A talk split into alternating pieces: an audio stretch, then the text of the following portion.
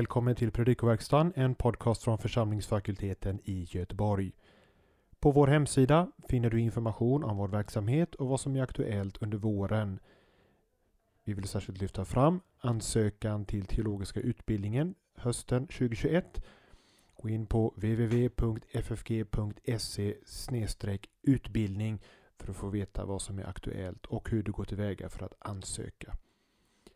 Men nu till Daniel Johansson och veckans avsnitt av Predikoverkstan.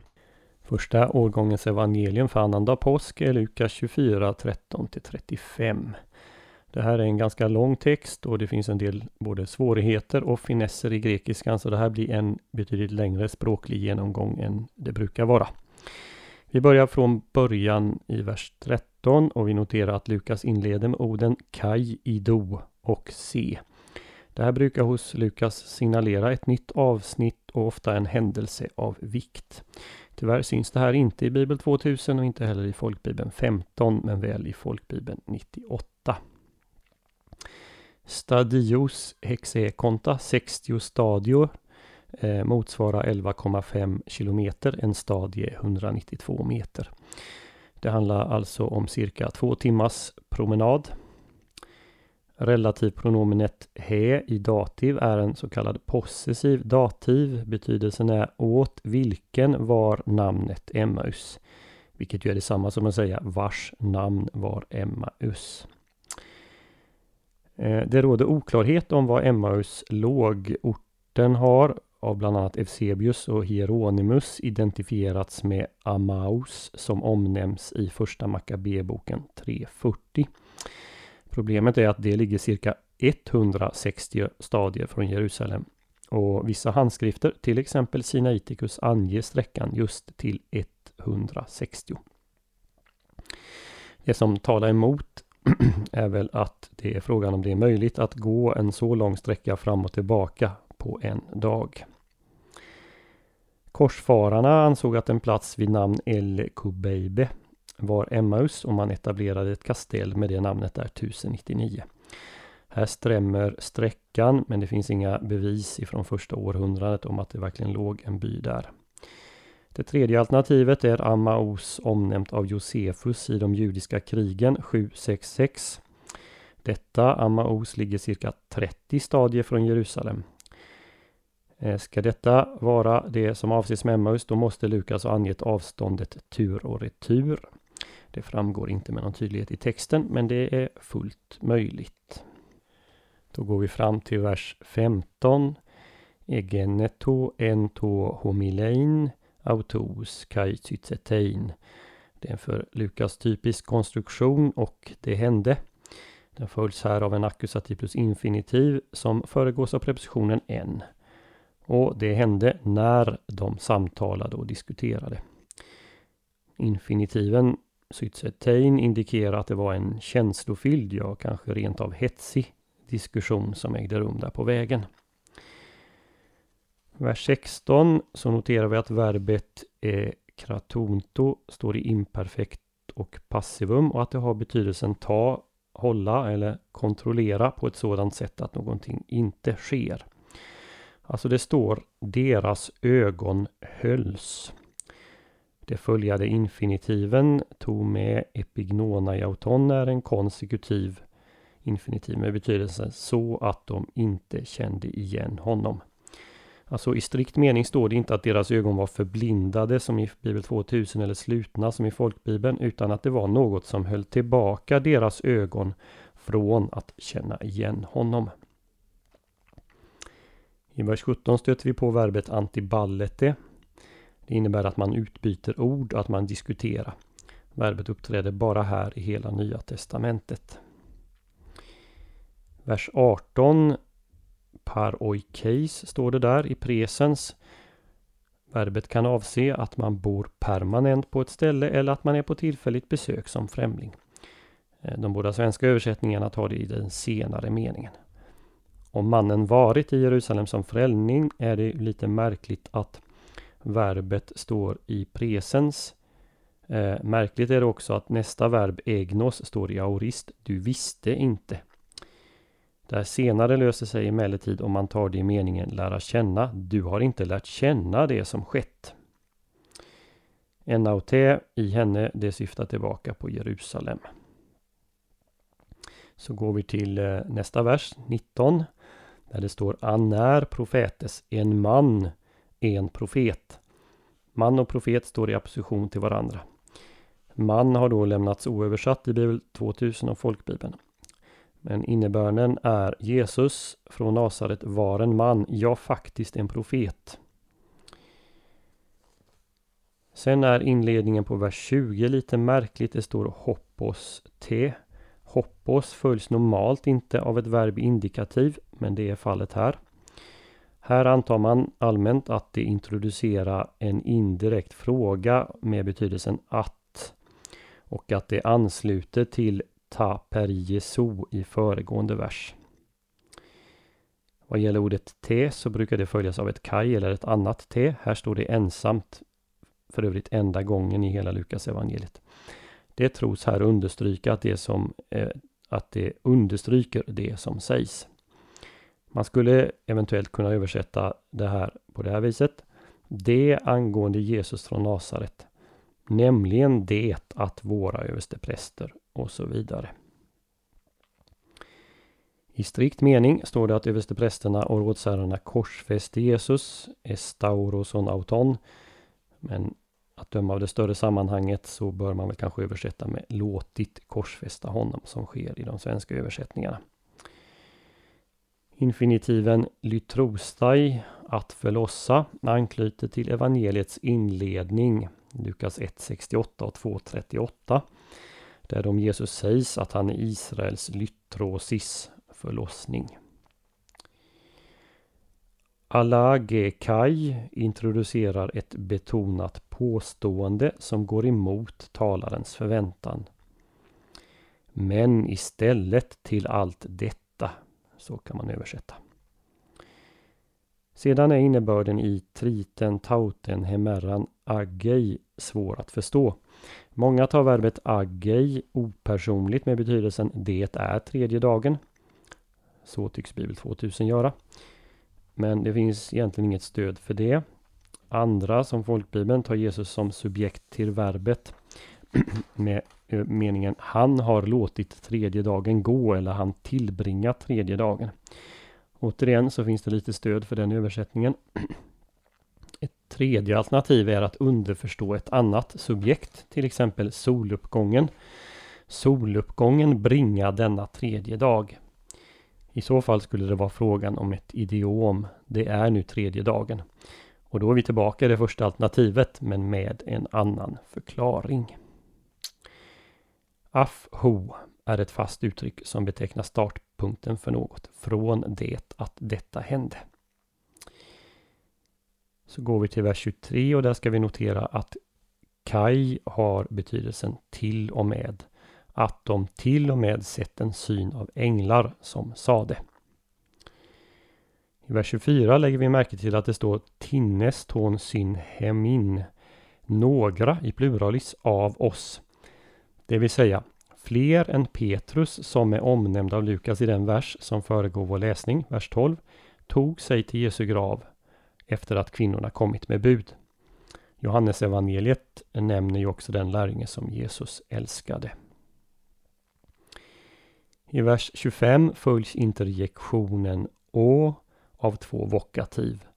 An och etoj och eh, bradeis. Å uttrycker ofta starka känslor. Å eller O dåraktiga och långsamma i hjärtat till att tro. Inledningen på vers 26. Oski förväntar ett positivt svar. Var det inte nödvändigt för Messias att leda dessa saker och så gå in i sin härlighet? Och vi ska svara jo. I vers 27 eh, pushar Bibel 2000 betydelsen av empassais, tais, grafais lite väl långt tycker jag. Man översätter nämligen överallt i skrifterna. Men det står snarare i alla skrifterna. Efter att ha börjat från Moses och alla profeterna utlade han för dem sakerna om honom själv i alla skrifterna. Vers 28, där stöter vi på relativpronomenet o i genitiv. Här fungerar det som ett adverb med betydelsen dit. Och lite senare i samma mening är porotteron komparativ av porro, långt bort. Meningen är alltså att han skulle längre än till byn. Kai som inleder nästa vers är adversativ och har betydelsen men. I samma vers keklinen, eh, förlåt, keklicken ädehehemera. Det betyder ordagrant dagen har redan böjt sig. Ett billigt sätt att tala om jorden i förhållande till solen. Det betyder att dagen är långt gången. Eh, I vers 30 så markerar Lukas betydelsen av det som sker med verbet egeneto igen. Och det hände när han låg till bords med dem. Verbet kataklino det används för övrigt bara av Lukas i Nya Testamentet. I 7.36, 9.14 och 15, 14, 8 och så här. Jag har listat de här ställena i pdfen till podden. Epedido är en imperfekt och betydelsen är troligen ingressiv. Han började att ge dem. Och det är i det ögonblicket de känner igen honom. Notera sedan hur samma verb, dianoigo, används både om hur ögonen öppnas i vers 31 och skriften öppnas i vers 32. Och sedan så står det Kai autos afantos egeneto ap auton, vilket ordagrant betyder och han själv blev osynlig för dem. Här tycker jag att den svenska översättningstraditionen som är Han försvann ur deras osyn Eh, den är lite olycklig även om den är vacker. För verbet försvann skickar signalen att Jesus lämnar Emmaus-lärjungarna. Det kan vara så, men Lukas säger inte mer än att Jesus blir osynlig för dem. Man kan med andra ord tänka sig att Jesus osynlig går vid lärjungarnas sida tillbaka till Jerusalem. Och så i vers 36, medan de ännu talar med varandra, återigen visar sig för dem och de övriga som är samlade. I vers 33 eh, så har vi autete hora. Det betyder inte nödvändigtvis att de omedelbart återvände, alltså i precis samma timme. Eh, det kan vara en betydelse av ganska snart därefter. Och det är väl troligt att de återvände samma kväll, men inget i texten förbjuder att de skulle ha väntat till morgonen därpå. I vers 34 kan vi lägga märke till att själva verbet från vilket exegetik härstamma möter oss, ex e de förklarade. Och så till sist, eh, hos e gnoste autois ente klasseito arto. Här har vi betydelsen hur han igenkändes av dem i, eller möjligtvis genom, brödsbrytelsen. Så står det ordagrant. Berättelsen om Emmauslärjungarna faller naturligt i två huvuddelar. Dels är det samtalet med Jesus på vägen och dels är det brödsbrytelsen i hemmet. Och det här leder ju lätt tanken till en gudstjänsts två huvuddelar. Det finns också ett kiastiskt mönster i inledning och slut. I vers 13 så står det på den dagen en autete hemera och det är från Jerusalem de går och det motsvaras Eh, i vers 33 av Aute Tehora i den timmen, i den stunden och där står det sen att de beger sig till Jerusalem. Och sen i vers 14 så står det att de två lärjungarna samtalar med varandra. Och I vers 32 står det att de talar med varandra. Vers 15 att Jesus själv kommer till dem. I vers 31b hur Jesus själv blir osynlig för dem. Och till slut i vers 16 hur deras ögon hålls tillbaka och i vers 31a hur deras ögon öppnas. Själva samtalet på vägen kan delas in i två huvuddelar. De två lärjungarnas sammanfattning om vad som har hänt i 24.19b till 24 och sen Jesu egen utläggning av skriften i verserna 25 till 27. Bakgrunden till Emmausberättelsen är att tre namngivna kvinnor, Maria från Magdala, Johanna och Jakobs mor Maria, har sett den tomma graven och mött två änglar. Men de blir inte trodda. Sen springer Petrus till graven och kan konfirmera att den är tom och han återvänder hem medan han grubblar över vad som har hänt. Lukas har alltså inte rapporterat något möte med den uppståndne när Jesus själv slår följe med de två som är på väg till Emmaus.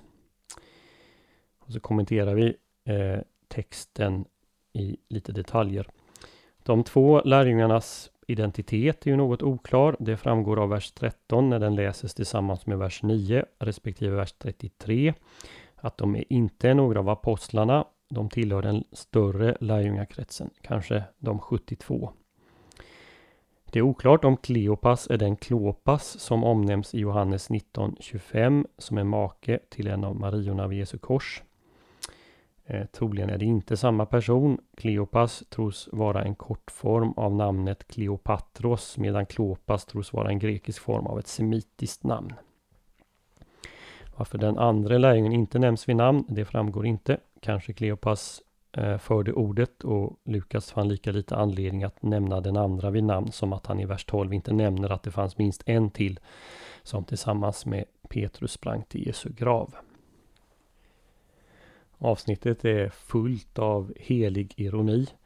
När Kleopas nästan indignerat frågar Jesus hur han inte kan veta vad som skett så offentligt vet läsaren att främlingen själv vet långt mer om händelserna än de två lärjungarna och han vet också vad de djupast sett innebär.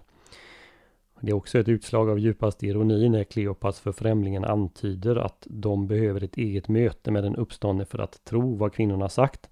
Och så går han själv som ett levande bevis med dem.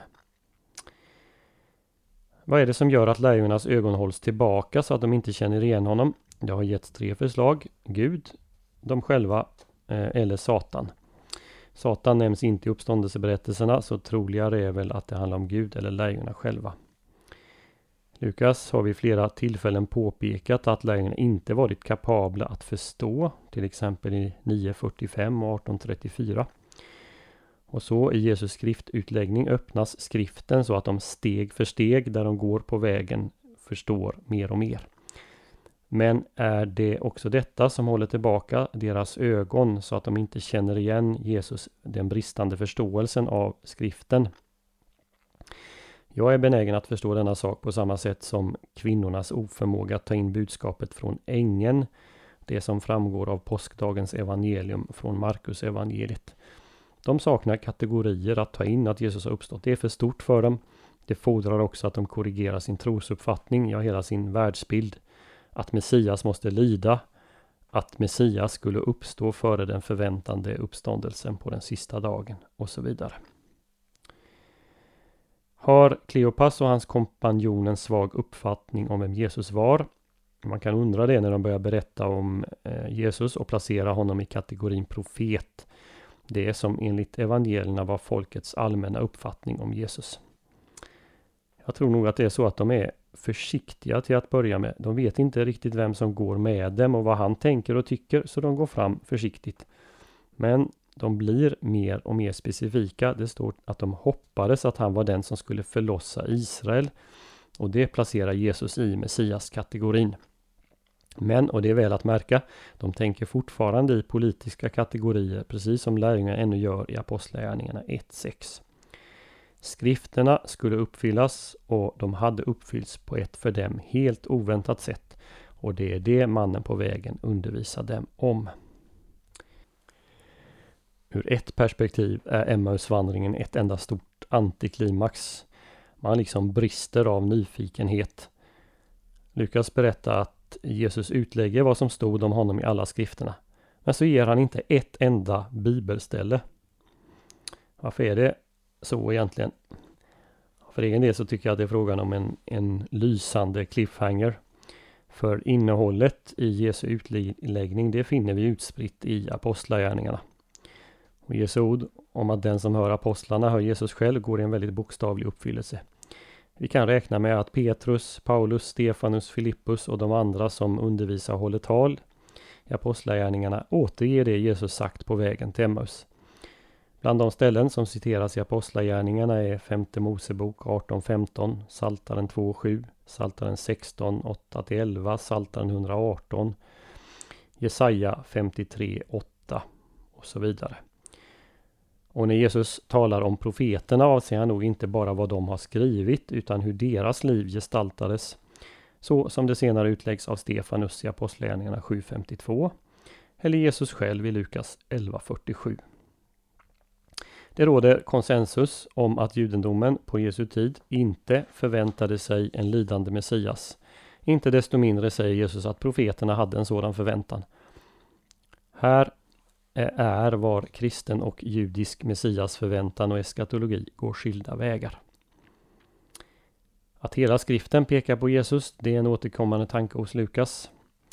Eh, vi kan konstatera att Jesus här börjat öppna skriften för de här två lärjungarna och förbereder dem för uppenbarelsen av sig själv. Att sen Jesus kommer in till de här två lärjungarna i Emmaus och stanna, det påminner något om Uppenbarelseboken 3.20 där det står om någon hör min röst och öppnar dörren ska jag gå in till honom och hålla måltid med honom och han med mig. Den här måltiden den har något eh, liturgiskt över sig. Språket påminner i första hand om mättandet av de 5000 som Lukas berättar om i 9.16 och också något om instiftandet av nattvarden i kapitel 22. Vi kanske inte kan säga att detta är den messianska festmåltiden, men det är ett föregripande av den. En bro slås mellan de måltider Jesus hållit under jordelivet och de måltider som blir karaktäristiska för gemenskapen i urkyrkan. Vår läsning för lärjungarna från tvivel och undran över kvinnornas rapporter till en övertygelse om att han är uppstånden. Lärjungarna i Emmaus får se honom och så också Petrus och strax efter vår textläsning alla de som är samlade. Om vi sammanfattar så lyfter annandag påsks evangelium fram vikten av både skriftstudium, skriftutläggning och måltidsgemenskap med Jesus.